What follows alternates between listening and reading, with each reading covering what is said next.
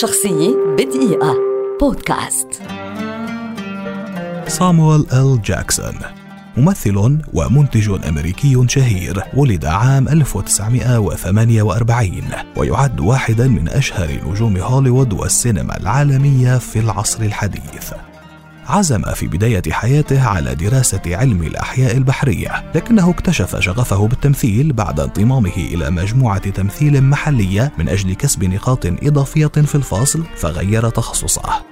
بدأت شهرته تتنامى بداية التسعينات عند ظهوره في أفلام هامة مثل Goodfellas، Jungle Fever، Patriot Games و Jurassic Park وسطع نجمه بشكل كبير من خلال تعاوناته مع المخرج العبقري كوينتين تارانتينو في أفلام مثل Jackie Brown، Django Unchained، The Hateful Eight و Pulp Fiction الذي رشح عنه لجائزة الأوسكار كأفضل ممثل مساعد. ويعد جاكسون اليوم برأي النقاد والمتابعين أفضل من يلقي ويؤدي حوارات تارنتينو الرائعة على الإطلاق.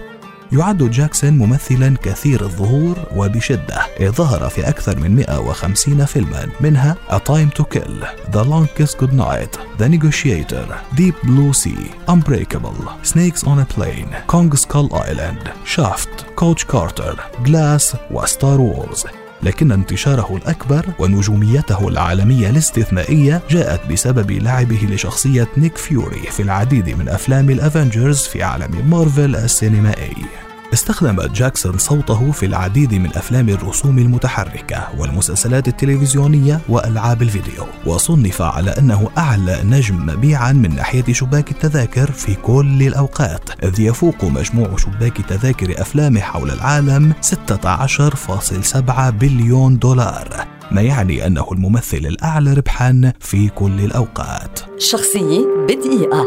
بودكاست.